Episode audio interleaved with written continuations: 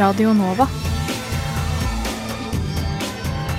Akkurat nå hører du på en podkast fra Radio Nova.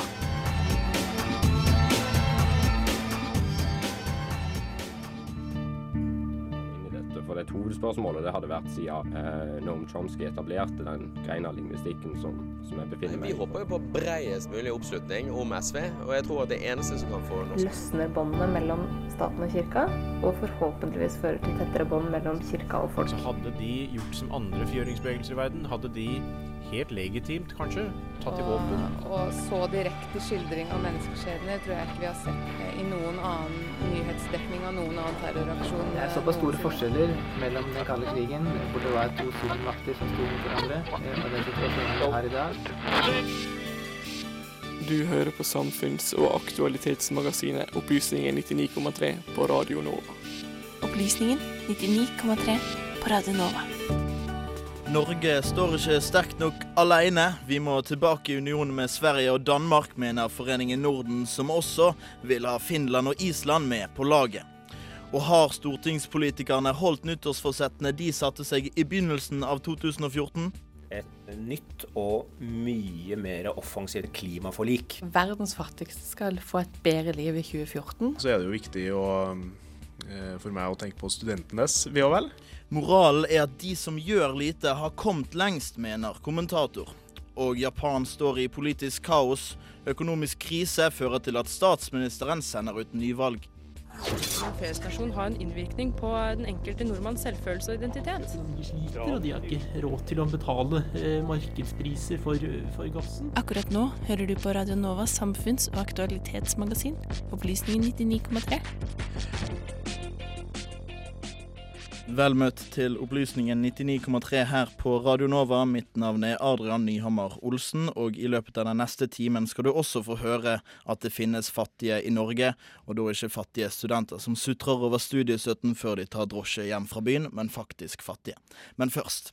De nordiske landene samarbeider i dag på flere områder, men da hovedsakelig med råd og erfaringsutveksling. Det er ikke nok. Vi må samarbeide mye tettere og mer forpliktende, mener du, Espen Stedje. Du er generalsekretær i Foreningen Norden. Hva skal vi samarbeide med de andre nordiske landene om? Eh, vi tror jo at man må få til et mer forpliktende nordisk samarbeid på mange områder. Eh, vi ser jo at de nordiske landene på mange måter er for små for å løse en del av de utfordringene vi står overfor, særlig nå i en globalisert eh, verden. Vi ser at man må ha et forpliktende samarbeid på den måten å få løst en del ting. Særlig når det gjelder næringslivssamarbeid, når det gjelder arbeidsmarkedet, når det gjelder studier. Eh, også når det gjelder økonomisk samarbeid generelt, og vi kunne få til mye mer på en global scene enn det vi klarer alene. Og dere vil ha en forbundsstat. Hva er det for noe? Eh, det vi ønsker er å ha et forpliktende nordisk samarbeid. At vi faktisk møtes gang etter gang og bestemmer saker i fellesskapet. Sånn som nordiske samarbeidet fungerer i dag, så er det den som vil minst, som bestemmer. Eh, I en forbundsstat som eh, vi gjerne ser, så har man mulighet til å, å, løse en del ting. Og man velger selv hvor mye man vil eller ikke vil løse i en forbundsstat. Men eh, når de som eh, er minst, liksom bestemmer mest, så er det jo det at uh, f.eks. Uh, man kan legge ned veto, man kan liksom hindre ting til å skje, da. Det er det du mener? Og så nå skal man da få være, være liksom sterkere mer styringsdyktig. Ja, på, en del områder så tror jeg Norden vil få til mer sammen. Altså Norden samlet sett er verdens kanskje tiende største økonomi. En, en, økonomi som omtrent er like stor som Brasil eller Russland. Det vil jo bety at på den globale scenen så vil man ha større innflytelse. Eh, men også internt i Norden så, så, vil man jo også få mulighet til å utvikle, utvikle seg. F.eks. når det gjelder forskning og studier. Eh, så kan man jo da være kanskje ledende eh, på visse områder. Noe man ikke kan hver for seg. Eh, de nordiske landene blir for små for å konkurrere med de største universitetene i Amerika eller Asia eller andre steder. Jan Erik Grinheim, du er leder i Europabevegelsen og kjemper for tettere samarbeid i Europa og vil også ha norsk EU-medlemskap. Hvordan ser du på Stedjes forslag her om en slags nordisk forbundsstat? Jeg synes det er et veldig godt forslag, og jeg har i mange år tenkt at en nordisk union burde være en bedre løsning enn det vi har i dag. Og du kunne ha en nordisk union innenfor en europeisk føderasjon. Hva betyr det? Det betyr at du i de nordiske landene river grenser helt, og at du samarbeider om alt. Altså skolesamarbeid, trygdesamarbeid.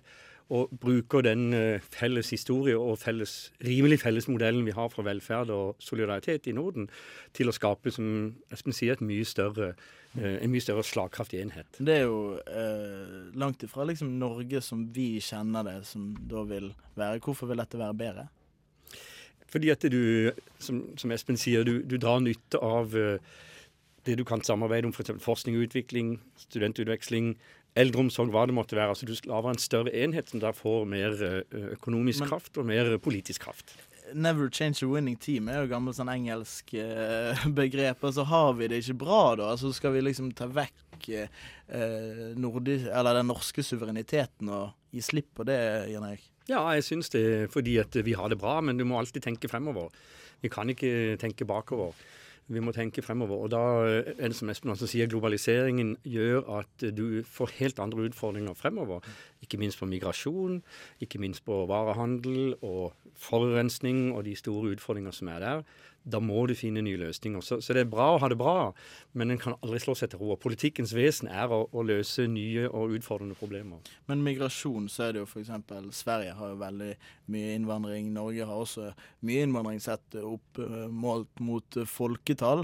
Eh, hvordan hadde det vært, eh, hvis vi ser litt sånn visjonært på det, da, hvordan hadde det vært i en nordisk forbundsstat, Espen? Eh, Det må man jo bestemme i, i fellesskap. Man er jo nødt til å ha en diskusjon om hvordan man ønsker en eh, migrasjonspolitikk. Eh, det, når det gjelder forskning og en del yrker, så vil jo kanskje Norden også bli mer attraktivt for en del spesialisert arbeidskraft og gode hoder innen forskning, som vi kanskje ikke klarer å tiltrekke oss på samme måte i dag som, som det større land gjør. Mm, altså er det jo altså, Hvis vi da er eh, en, en nordisk forbundsstat, hvordan skal vi da f.eks. Han vil jo ha da eh, en eh, nordisk union inn i en europeisk føderasjon. Hvordan ser du på hvordan man skal forholde seg til liksom, EU, f.eks.? Ja, altså Vi i Foreningen Norden vi har ikke noe standpunkt til verken norsk EU-medlemskap eller eh, finsk eller svensk Nato-medlemskap. Norsk Eh, Nato-medlemskap, hva skjer med det? Hvis Eh, Det må man ta stilling til. og det, det vi tenker er at Vi vet ikke hvordan verken EU eller Nato vil se ut om 15-20 år. Og det tar jo antagelig noen år før man eh, kommer frem til å lage en, en nordisk, eh, nordisk union. Mm, Jan Erik? Ja, så jeg synes Det siste der er veldig interessant. og Vi, vi ser jo to utviklingstrekk nå. Det ene er det at eh, amerikanerne lenge har vært skeptiske til å skulle sikre europeernes eh, sikkerhets- og utenrikspolitikk gjennom eh, tilstedeværelse av av forsvarsstyrker. Mm. Og Det andre vi ser, er jo at Russland eh, åpenbart da prøver å tøye internasjonale regler og folkerettslige prinsipper på en måte som gjør at eh, sikkerhetslogikken er blitt annerledes.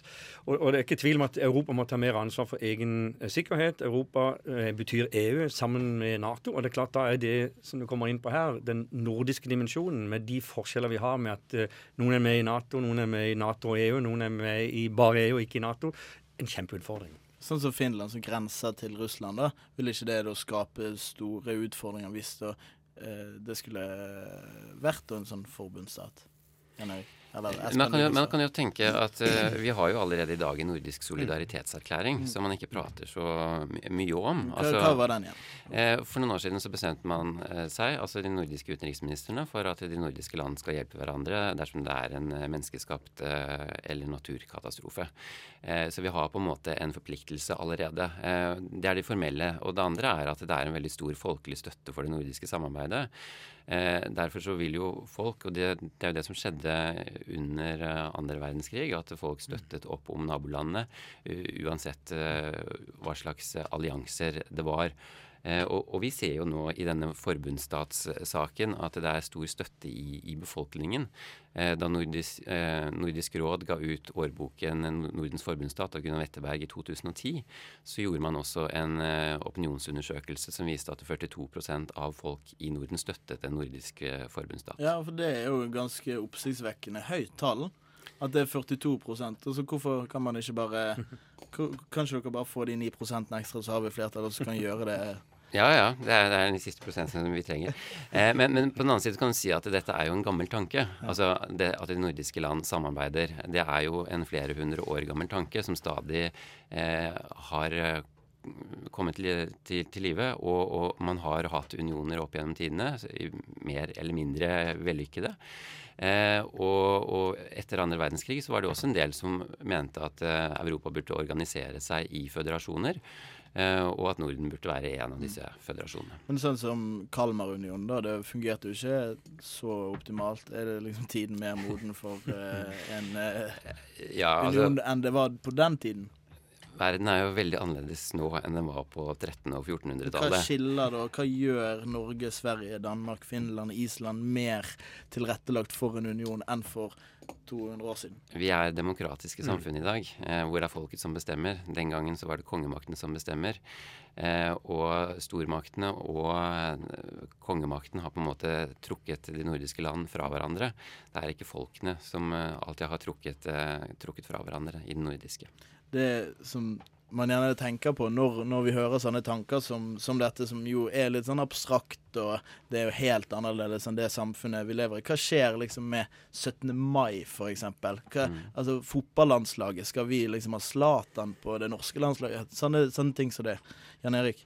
Ja, så du har jo f.eks. i den i det britiske uh, unionsprosjektet så har du jo egne nasjonale landslag, så det er jo fullt mulig å ha. Nå har vi vel ikke så veldig godt landslag for tiden, så Zlatan eller en annen god spiller hadde vel vært hjertelig velkommen. Men, uh, men, det er vel nettopp det, altså Du kan fint beholde regionale eller nasjonale identiteter osv., men, men det er jo det å samarbeide og få bort den der vi og dem-tenkningen. og Det skal være like naturlig å dra på en skole eller barnehage i Sverige eller Danmark som det er i Norge. Og at du kan ha grenseoverskridende samarbeid eller egentlig bare fjerne grensene. Jeg har jo selv vært engasjert i dette togprosjektet fra hurtigtog til til København, som Motorforeningen Norden har vært veldig gode støttespillere for. Og det er jo for det er mye, mye, næringsliv som henger sammen her. Ja, men det er også dette du kan kunne dra en ettermiddag til København og hygge deg. Ja. til Göteborg. Men uh, når vil vi se en nordisk union? Det kommer litt an på hva som skjer i omverdenen. Men eh, om 15-20 år så er, er, mye annerledes. Så jeg tror vi er nødt til å se at vi, er, vi må samarbeide mer i Norden på, på, veldig mange områder. Så i en eller annen form så tror jeg vi får et forpliktende samarbeid eller en eller annen form for union. Da må jeg si takk til deg for at du kom, eh, Espen Stedje, og takk til deg, Jan Erik Grindheim. Eh, Seinere i sendingen så skal vi høre hvordan eh, nyttårsforsettene til stortingspartiene gikk eh, nå når vi ser tilbake igjen på 2014. Colleen Green, pay attention. Du hører på Opplysningen 99,3 på Radio Nova, og vi skal til det politiske kaoset i Japan. Landets økonomi stuper, en økonomi som er verdens tredje største, og dette har ført til at statsminister Shinzo Abe lyste ut nyvalg den 18. november. Og nå skal jeg skifte over til engelsk, fordi vi har med oss en Japan-ekspert på telefon. og uh, Paul Midford, you're a professor in political science at NTNU and uh, runs the Japan program. This snap election, what is that? A snap election is when the prime minister uh, dissolves the diet, dissolves the legislature, and calls for a, an election to elect a new legislature. This is common in many um, parliamentary democracies, although obviously not all of them, such as Norway. Yeah, uh, but but uh, is, is is it common in Japan? Um, well, obviously, it's um, uh, always uh, an option that the prime minister has but uh, I, I would not call it common, but it does happen. The last time it happened was in 2005 when then Prime Minister Koizumi Junichiro dissolved the parliament uh, and called a snap election over the issue of postal privatization. Yeah. Uh, and he won a big victory in that election. This snap election, why why did Prime Minister Abe call a snap election now? Yes, this uh, what makes this time unusual is that there was no real big issue of contention between uh, his party and the opposition parties over which to call the snap election. Abe decided to delay a planned increase in the sales tax from 8% to 10% that was scheduled to go into effect October of next year. He decided to delay that for um, over a year. And, and he decided to, and his justification or excuse for calling the election was to um, ask voters if they supported that decision or not. Um, and of course, it's easy to expect that when you delay a tax increase, you'll get popular support. But again, the opposition parties uh, had the same position on that, so that uh, has caused a lot of Japanese to really uh, become puzzled and wonder what this election is about or and why it was called in the first place. And J- Japan has, yeah, as you say, uh, raised raised their taxes quite dramatically lately. Why? Uh, why ha- have they? I, I wouldn't say dramatically in the sense that I mean, uh, compared to Norway, of course, sales tax has been quite low in Japan. It went up from five percent to eight percent in April of this year, and uh, there's a plan now to raise it. As this is a two-step uh, process, uh, uh, and the legislation and au- authorizing this was passed in 2012. So, step one, it goes up to eight percent, and then step two, it goes up to 10 percent, and that was originally scheduled for October of next year. Now it looks more like spring of 2017 when that goes into effect. But the reason is because, of course, Japan has a very large public sector debt. Okay. Um, it has an aging population. Uh, um, it's uh, probably the oldest uh, country in the in the world in terms of its population, and so it obviously has uh, to spend more money on pensions and health care uh, expenses are rising. Um, and uh, it has this large and growing national debt that they're trying to get under control. So this was uh, an important way to do that. But for, for understanding the political situation in Japan, it's necessary to touch upon the economic history of the country. Uh, m- may you please br- uh, briefly describe the economic situation in Japan since the 90s? Yes.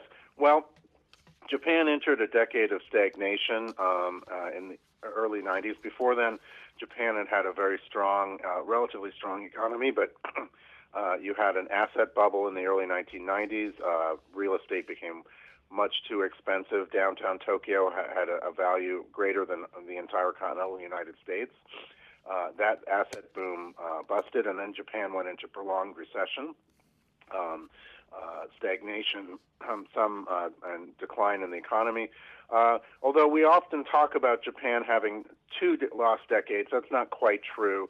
Around 2002, 2003, Japan came out of its uh, recession and had the longest period of economic expansion in its post-war history. Although it was relatively low growth, but still it was steady growth during much of the Koizumi period and into Abe's first term as prime minister. So roughly 2002 until the Lehman shock, Japan's economy was again uh, experiencing uh, growth and was pretty healthy. But then Japan was hit very hard by the uh, 2008 recession, um, and mu much of that growth from the previous period was uh, wiped away.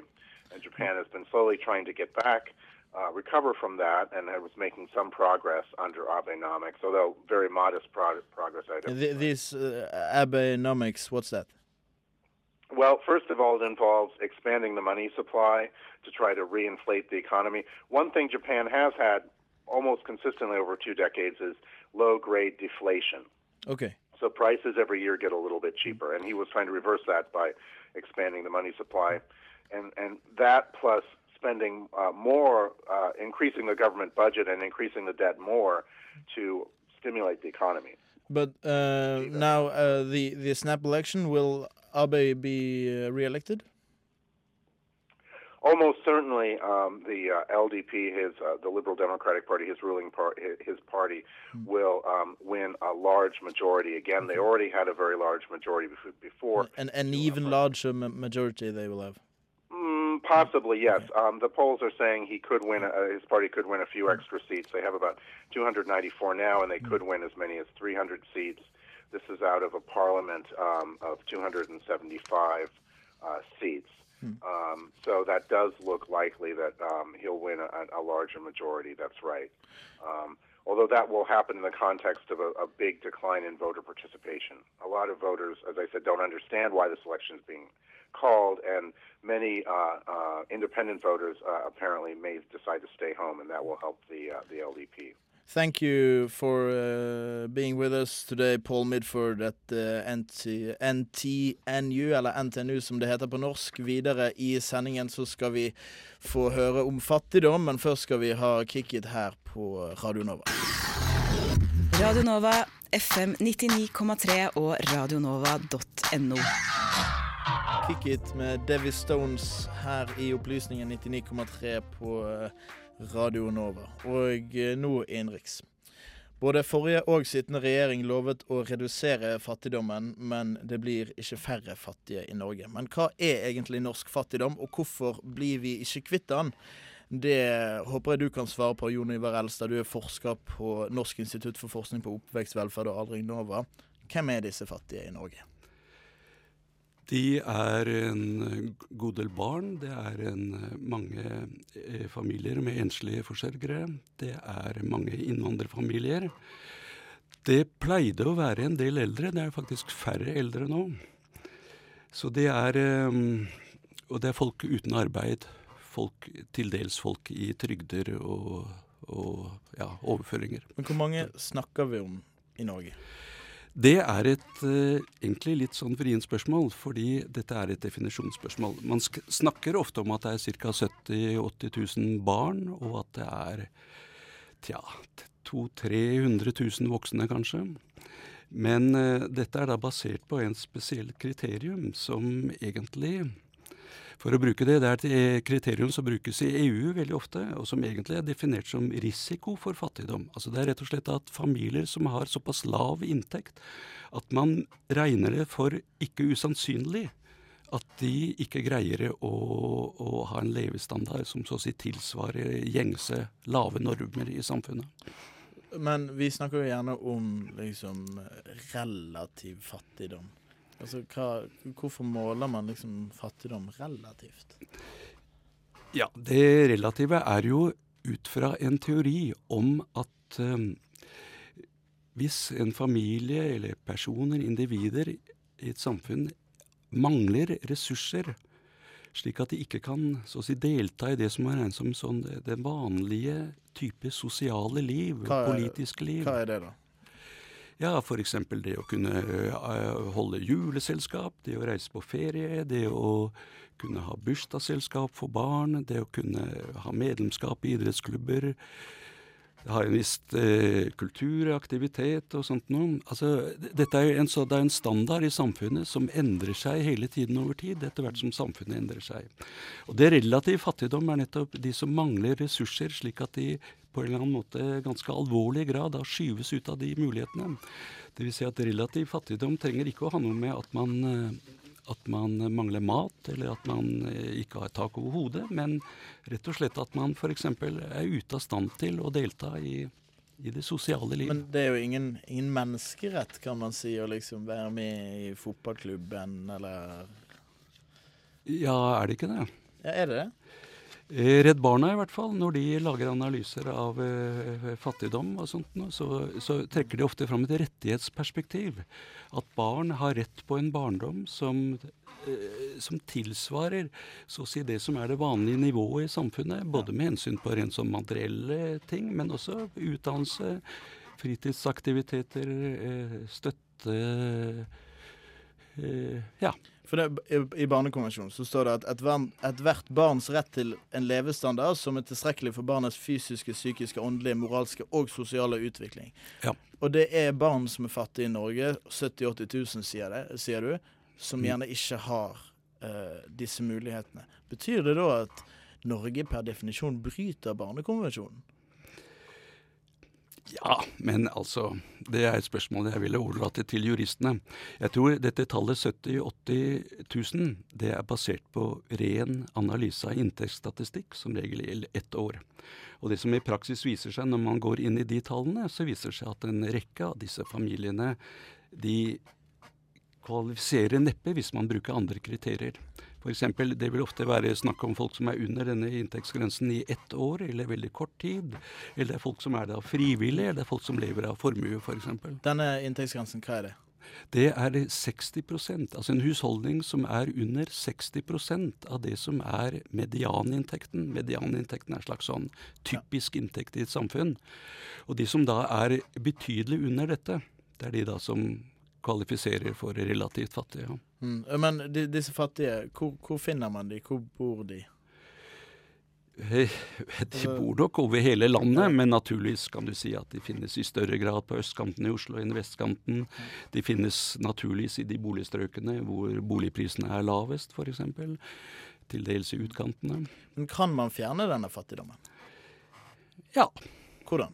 Ja, det tror jeg. Men uh, for å ikke stille opp helt idealistiske mål, så kan vi si at det som er typisk europeisk politikk, faktisk, det er jo det at å påpeke at en skikkelig sosialpolitikk med uh, overføringer til de som faller utenfor, pluss en arbeidsmarkedspolitikk som i større grad integrerer de som har vansker med å få arbeid, integrerer de i arbeidslivet, det er absolutt virksomme midler mot fattigdom.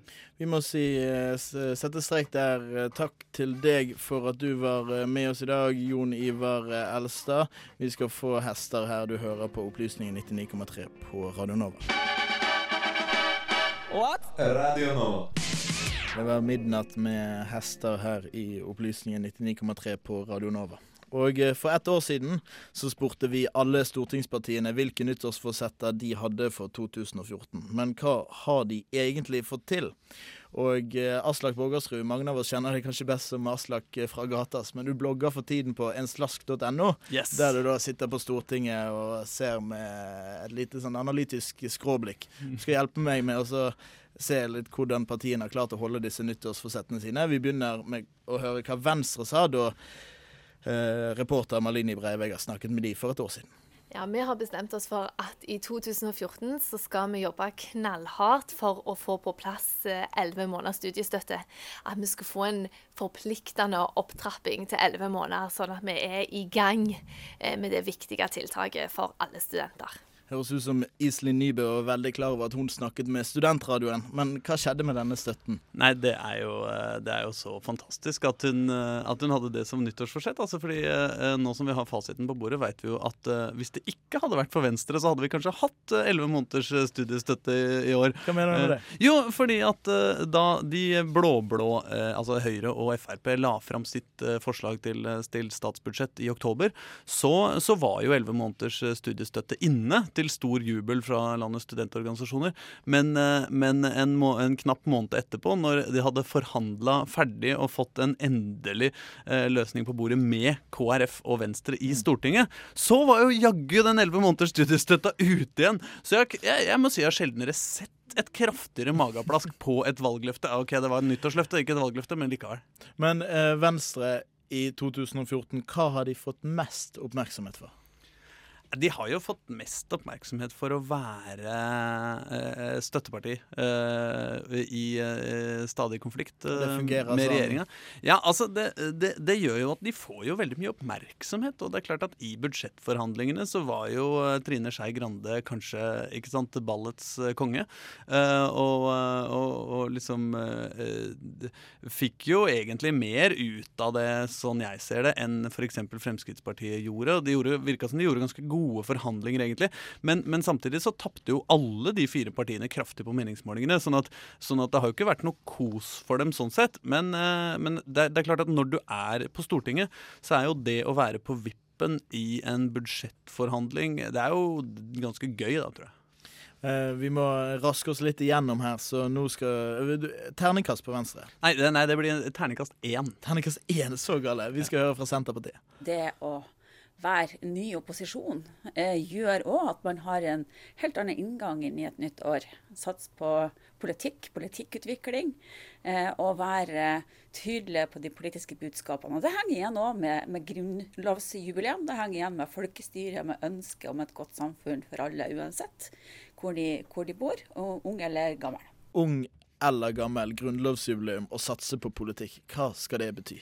Nei, det kan du jo spørre deg om. Altså, det er klart at Hvis du går inn i et jubileumsår uh, med, med, den politiske hovedprioriteringen at folk skal få med seg at det har vært et uh, jubileum, så burde jo ikke det være et veldig vanskelig mål å oppfylle.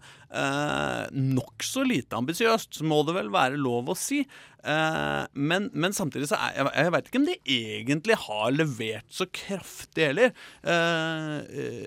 Ja, mitt inntrykk, men det er kanskje litt overfladisk, da, er at folk ikke veit veldig mye mer om, om Grunnloven uh, i, i, år enn i fjor. Så, så, og, og, med et så lite ambisiøst mål, og likevel ikke lykkes, det, det må jeg altså si er ganske, er ganske ordentlig dårlig. Senterpartiet gikk jo inn i 2014 med kaos rundt partiledelsen og Liv Signe Navarsete og Ola Borten Moe og alle disse her folkene som skulle eh, redde partiet. da, For de hadde falt ut av regjering. Mm. Det hadde også SV. De står nå utenfor. Hvordan er livet i opposisjon for Senterpartiet? Altså, det jeg må si om, om Senterpartiet, er at uh, Trygve Slagsmål Veum han har jo greid å, å, bli en politiker som folk lytter til. Jeg sitter ganske ofte i stortingssalen og hører på debattene der, og, og han, han, er virkelig en av de, virkel, de som overraska meg, da, for han er flink. liksom. Han er bra til å debattere, funker bra på TV, til og med flink til å danse. Til og med flink til å le.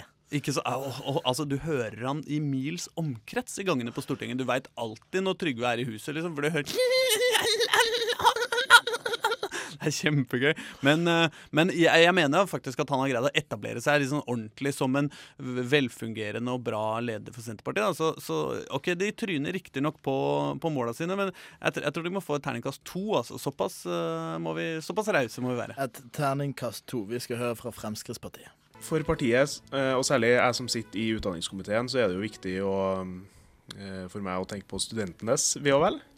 Eh, og også jobbe for å få et bedre høyere utdanning og mer og relevant forskning. Det tror jeg er det viktigste for meg. Litt sånn julemusikk eller noe i bakgrunnen der, men det får nå være Frp og utdanning. Hva har skjedd der i år? Jeg må jo si eh, det er jo, det er jo, hyggelig å bli sleika bak, eh, er det ikke det, som, eh, som studentradio? Det, de, de, det, er jo ikke, kanskje ikke FrPs aller viktigste sak, utdanningspolitikken. Men det skal jo sies at de har fått til noe på forskning i statsbudsjettet. Hva da? Nei, det har jo vært noen penger. Ikke, ikke sånn sjukt mye, men på utdanning, sånn generelt på utdanning har det vært veldig mye opp og ned, da, for å si det sånn. Sånn at du, du kan jo ikke si de har de har uh, levert akkurat.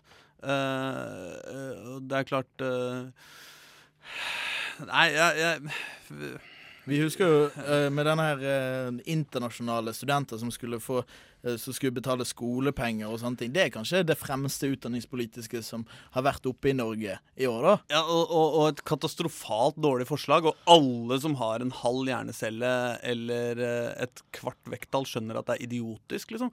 Hvordan skal vi sørge for at den norske innvandrerbefolkninga er mye lavere utdanna enn den, altså de med norsk statsborgerskap? Det er så absurd og så dumt. Eh, men det, det tapte jo også Frp etter, etter forhandlingene. To ganger har de tapt nå. I år og i fjor. Ikke sant? Ja, de har prøvd å innføre det, men fokuset har jo kanskje ikke vært liksom helt på det. Men hva har fokuset vært på i stedet? Når det gjelder Frp? Ja, ja, ja, Fremskrittspartiet har jo eh, de, de, har jo på en måte Uh, det viktigste som har skjedd for dem, er jo på en måte at de har greid å, å sette seg fast i, i regjeringskontorene og, og, bli sosialdemokrater, de også. Uh, og, og, og, liksom uh, Eh, de har prøvd å holde seg fast i båten og vise at de, at de ikke nødvendigvis trenger å kantre den. Uh, og det har de jo lykkes ja, i hvert fall en stund uh, ganske bra med. Så, men nå helt på slutten så begynner det å virkelig rakne i nedoverbakke. Ja, for de sliter litt. Hvorfor tror du Frp sliter i regjering? Nei, altså De har uh, noen av regjeringas uh, åpenbart svakeste kort. Um, og altså Tine Sundtoft i Miljøverndepartementet er jo ikke Hun er Høyre, ikke sant? Nei, hun er Frp. Okay. Nei! Ja. Terningkast?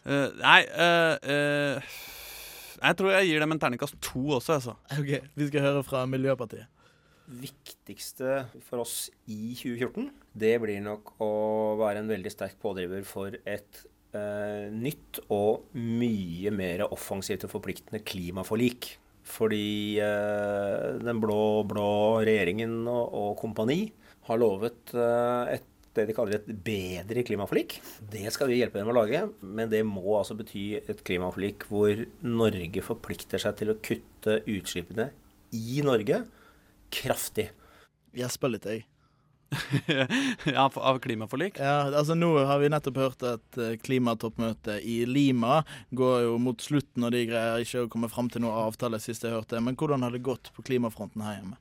Nei, det er jo Altså, vi er jo glad i sakte-TV her til lands. øh, Og, og sånn sett så, så setter vi jo pris på en god klimadebatt. Politisk minutt for minutt. Ikke sant? Ja. Det, det, det skjer jo ikke så mye. Og, og, og noe no klimaforlik eh, eh, ser vi vel ikke noen sånn veldig klare konturer av eh, ennå. Men når det er sagt, da, så, så, så har Miljøpartiet De Grønne greid å eh, gjøre en ganske eh, tydelig figur på Stortinget.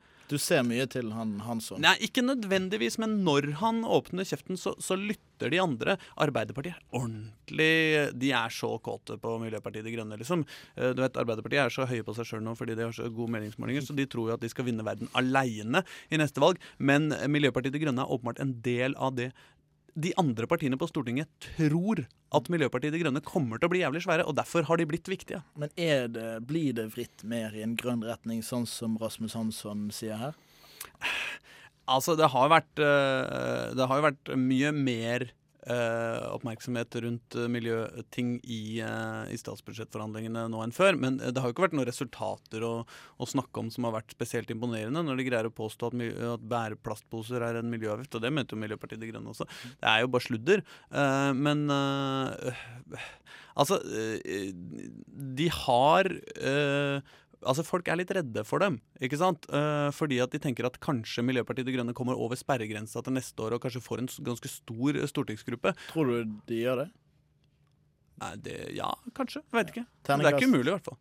Nei, men eh, så, siden det klimaforliket det, det var så viktig for den, så Nei, men terningkast tre syns jeg de har, de har fortjent. Da skal vi ta et lite pust i bakken, og vi skal høre How Can You Really med Foxygen her i Opplysningen 99,3. Radio Nova. Det var Foxygen med How Can You Really her på Radio Nova. Jeg har Aslak Borgersrud med meg i studio for å snakke om de politiske partienes nyttårsforsetter for 2014, og hvordan det gikk. Men vi skal høre fra SV hva de sa for et år siden.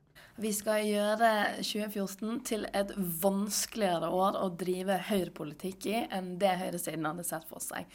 Her er det jo mange forslag på bordet som eh, vi skal kjempe mot. Det handler jo om at vi eh, skal kjempe for kvinners rett til abort. Eh, Vi skal kjempe mot den skoleprivatiseringen som de har lagt opp til, og vi skal kjempe for at Norge skal ta klimaendringene mer på alvor. Og hva har skjedd med SV, Aslak? Eh, ja, altså, å, å gjøre Norge til et vanskelig, vanskeligere år å drive Nei, eh, ja. Gjøre vanskeligere å drive høyrepolitikk i Norge. Det er det. Sorry, SV. Det, det fikk dere ikke til. Uh, Høyresida eh, har vist seg å, å greie å, å drive høyrepolitikk, også i år. Eh, med nokså stor, om ikke suksess, så, så i hvert fall gjennomslagskraft. Men alle trodde jo at SV ville få det litt bedre i opposisjon. De var Mm. slitne av å være i regjering. Sp sleit på, Ap sleit på. De ligger fortsatt på ca. 3,5% eller noe sånt. Hvorfor Mm. eh, står de fast? De har jo en uh, Altså, på, sånn jeg oppfatter det, så, så, så lider de fortsatt under regjeringsslitasje, egentlig. Altså, de lider under å være lillebrorpartiet til Arbeiderpartiet, som egentlig er enig med Arbeiderpartiet i alt, og bare mener det kanskje litt mer. Uh, og i ledelsen så er det uh, så er det, ikke sant Det er Audun, det er Bård Vegar, det er Heikki. Eh, som, som på en måte var ledelsen tidligere også. Og, og de har jo ikke hatt noe sånt skifte, men det er også på en måte usaklig å kreve. Disse er jo unge og flinke folk, så, så det er en sånn vanskelig situasjon for dem. Men, men jeg tror nok at det er eh, det å, å bo under skjørta til Arbeiderpartiet og ikke greie å å mene noe så sterkt at man blir aleine om det. Og så har de jo selvfølgelig tapt en masse på å være, være tilhenger av, av kriger, eh, som mange kanskje kunne være imot. Gina Barse her løfter jo fram eh, kvinners rett til abort, og det ble jo en veldig stor sak. Og det har aldri, aldri vært så mange i 8. mars-tog før, kanskje. Nei, og det, det er jo det hun eh, Det de har Altså, nå skal heller ikke SV nødvendigvis ta æra for den, det opprøret mot, eh, mot reservasjonsretten som kom i, i mars, eh, februar og mars i år. Uh, men, det, men, men, men, det var jo virkelig Abort var jo virkelig en sak i år. Så der, der skal de få et poeng mot uh, skoleprivatisering. Sånn, uh, ta klima mer på alvor. Jo, men heller ikke der har egentlig SV vært noe sånn spesielt førende. men så, det, det, det, blir på altså, Men jeg, men jeg syns liksom den abortgreia, den, den var en innertier, altså. Så, så, så jeg syns jeg må få litt sånn midt på treet-karakter. Tre? Ja, 3,3 kanskje. De 3,3, eh, akkurat som oppslutningen. Vi skal høre hva Høyre sa. Ja, det er å fortsette å følge opp regjeringsplattformen. Satse på kunnskap, gi lærerne det løftet de fortjener. La folk få lov til å beholde litt mer av sine egne penger, og tette hull i sikkerhetsnettet. Og der er vi på god vei. Tette hull i sikkerhetsnettet, det er litt gøy. Lite utrop til Adan Cortez Salah som snek seg inn på Nobelutdelingen. Eh, nei da. Men eh, la folk be, eh, få beholde mer av sine egne penger det Formuesskatten er jo kanskje årets største sak, eller? Eh, ja, årets, det er i hvert fall en stor sak. Altså, jeg må si uh, la folk uh, beholde sine mer av sine egne penger. Altså, Hvis du snakker om folk som i helt uh, normale mennesker som har lønnsinntekt, så har jo vi da med det neste statsbudsjettet kanskje fått en, en halvannen trikkebillett eller et eller annet i, ja. i skattelette. Og husk på den posen, da, at den tar den tilbake igjen. Og den tar tre månedskort, kanskje. Ja. og, og, og så, så, så, der Sorry, der har de ikke levert, med mindre du heter von Gyldenstrip og, eh, og bor eh, på beste Bærum. Eh, eh, satse på kunnskap og, og, og, gi luft til lærerne. Der, der slo det jo til med eh, altså tidenes konflikt eh, med lærerne. og kjempestreik, og liksom alle lærere i hele landet hater trynet på kunnskapsministeren. muligens inkludert hans egne foreldre, det veit jeg ikke. men ja, altså, der har han virkelig ikke levert heller. Og så er det altså tette hullene i sikkerhetsnettet budsjettet, hvor, hvor de da har, har eh, bestemt at, eh, at eh, Jo, jo, men hvis du er ufør, fattig og har barn, ja, da mm. får du faen meg greier deg sjæl. Uh, så så uh, Riktignok så kom de også der med et kompromiss uh, med, med, med, Venstre og KrF, som ikke på langt nær er så bra som det var før. Eller så ikke så sjukt ille. men, men Eh, jeg tror kanskje jeg må si at Høyre eh, har eh, både konkrete og, og på en måte on point løfter, og har feila på de alle sammen. Ternekast? Jeg, jeg, jeg, vet ikke om jeg har noen terning som har så få prikker. KrF sa dette for et år siden når folk kan rase over feil kopper, eller at juletrenålene detter av juletreet for fort, eller at ikke de lir naboens hus, så kjenner jeg at KrFs nyttårsforsett det må være at vi klarer å løfte oss over i-landsproblemer og se det som virkelig betyr noe i verden. Og da er Punkt nummer én det er verdens fattigste skal få et bedre liv i 2014. Flere skal løftes ut av den ytterste fattigdom. Det er denne Statoil-koppen som er en veldig stor sak i januar hun eh, refererte til. Men vi har tidligere hørt i denne sendingen at det ikke har vært så veldig mye mindre fattigdom i Norge. Men disse ilandsproblemene, har det blitt mindre av det? Det er vanskelig å si, altså, men, men, men, for meg så var det såpass vagt øh, øh, pjatt Eh, det der. Altså, så, så, jeg må si jeg, jeg, jeg, jeg, tenker at det der med å løfte verdens fattige uh, må være det konkrete delen av, av løftet til KrF. Og, og, og, og her spørs det jo selvfølgelig hvordan man, hvordan man regner fattigdom, som, som, var, som det, dere var innom i, i forrige, forrige, stikk her. Altså, uh, Hvis du regner fattigdom i, relativt sett, ikke sant? Hvis, fattig i forhold til uh, verden rundt deg, så har jo fattigdommen økt i verden. forskjellen forskjellene i verden blir, blir, større, og dermed så blir fattigdommen relativt sett større. Eh, på den andre sida, eh, nå er jo KrF eh, på de fleste måter et høyresideparti, og, og partier på høyresida regner jo gjerne heller fattigdom absolutt. Ikke sant? Du sier sånn én dollar dagen. Hvis du lever under én dollar dagen, så er du fattig. Hvis du lever over én dollar dagen, så er du ikke fattig. Og i, hvis du regner såpass absolutt, så, så, så, så, ser det ut til at det har blitt færre fattige i verden i 2014. Så sånn sett så syns jeg vi skal gi KrF for det. Riktignok så har jo ikke KrF hatt påvirkning på, på, at løftet deres på en måte har blitt oppfylt. Men et bra terningkast for dem. Ja, ja jeg syns de, skal få, de skal få terningkast fem. Ja. Og til slutt skal vi høre fra Arbeiderpartiet. Noe av det viktigste jeg skal være med på i år, det er å lage den lokalpolitiske plattformen for Arbeiderpartiet eh, fremfor kommunevalget neste høst. Det blir et viktig valg. Har du hørt om lokalplattformen til Helga Pedersen? Uh, nei. Uh, og det er jo uh, interessant, fordi at hun, hun, gir jo her et løfte som er helt umulig å undersøke om hun har oppfylt. Om hun i det hele tatt har gjort noe som helst.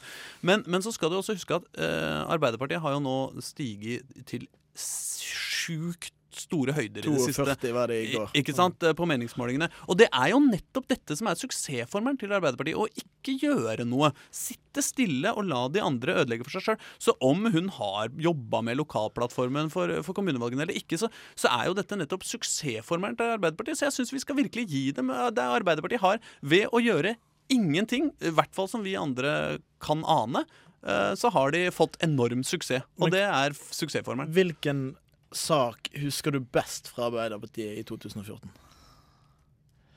Nei, Er det noen som husker noen noe saker fra Arbeiderpartiet i 2014? da? De har jo uh, Ja, nei Det er ikke godt å si. altså. Jeg, jeg kan ikke egentlig huske noe som helst ja, som de har fått til.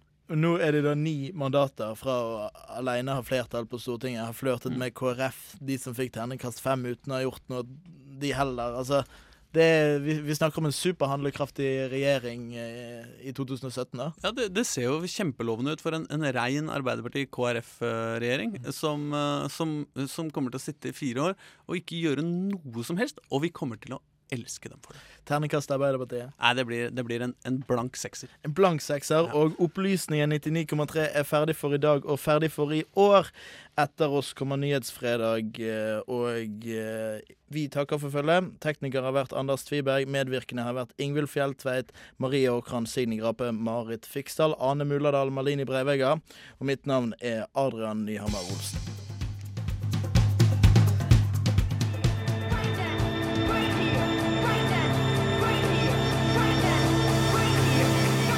Radio Nova. Du har hørt en podkast fra Radio Nova. Likte du det du hørte? Du finner flere podkaster i iTunes og på radionova.no.